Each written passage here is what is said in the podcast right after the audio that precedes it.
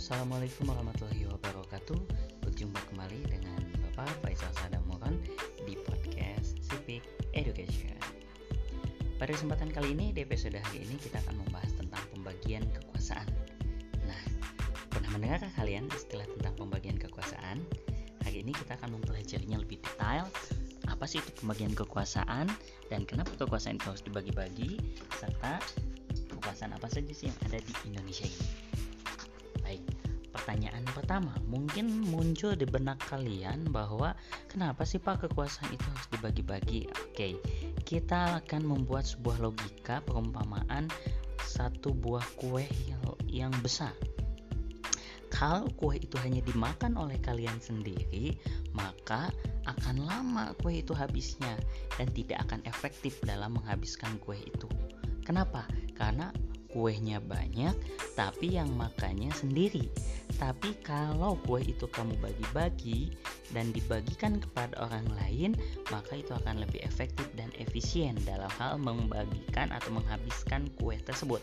Dan bahkan setiap orang akan merasakan nikmatnya. Begitupun dengan kekuasaan. Jika kekuasaan itu dibagi-bagi, maka pekerjaan itu akan bisa selesai dengan efektif dan efisien, ya. Nah, lalu ada berapa ada apa saja sih Pak pembagian kekuasaan di Indonesia? Pembagian kekuasaan di Indonesia terbagi menjadi dua, ada yang secara horizontal dan vertikal. Kalau yang vertikal itu garis lurus dari atas ke bawah. Artinya, kekuasaan dibagi atas pemerintah pusat dan daerah.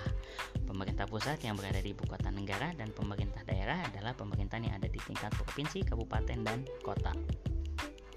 Lalu pembagian kekuasaan yang kedua ada yang secara horizontal, artinya sejajar, tidak ada yang lebih tinggi dan lebih rendah. Artinya semua kekuasaan ini sama rata. Yang membedakan hanya tugas dan fungsinya saja.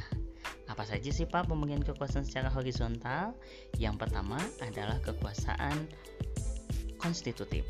Apa itu kekuasaan konstitutif? Yaitu kekuasaan untuk membuat undang-undang dasar dan kekuasaan ini dipegang oleh lembaga MPR, Majelis Permusyawaratan Rakyat. Yang kedua, ada kekuasaan eksekutif, yaitu kekuasaan untuk menjalankan pemerintahan yang dipegang oleh presiden dan jajarannya. Siapa jajarannya di sini? Yaitu wakil presiden dan para menteri. Yang ketiga, ada kekuasaan yudikatif, yaitu kekuasaan untuk mengawasi jalannya pemerintahan dan juga bidang kehakiman yaitu ada yang dipegang oleh MA, MK, dan KY.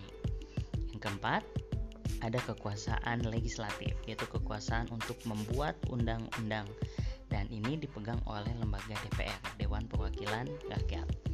Yang kelima, ada kekuasaan eksaminatif, yaitu kekuasaan untuk melakukan pengawasan terhadap pengelolaan keuangan, dipegang oleh Badan Pemeriksa Keuangan.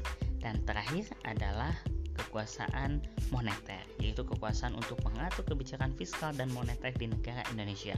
Dan kekuasaan ini dipegang oleh Bank Indonesia. Oke, itulah enam kekuasaan horizontal dan dua kekuasaan secara vertikal. Semoga kalian akan menjadi lebih paham tentang pembagian kekuasaan di Indonesia.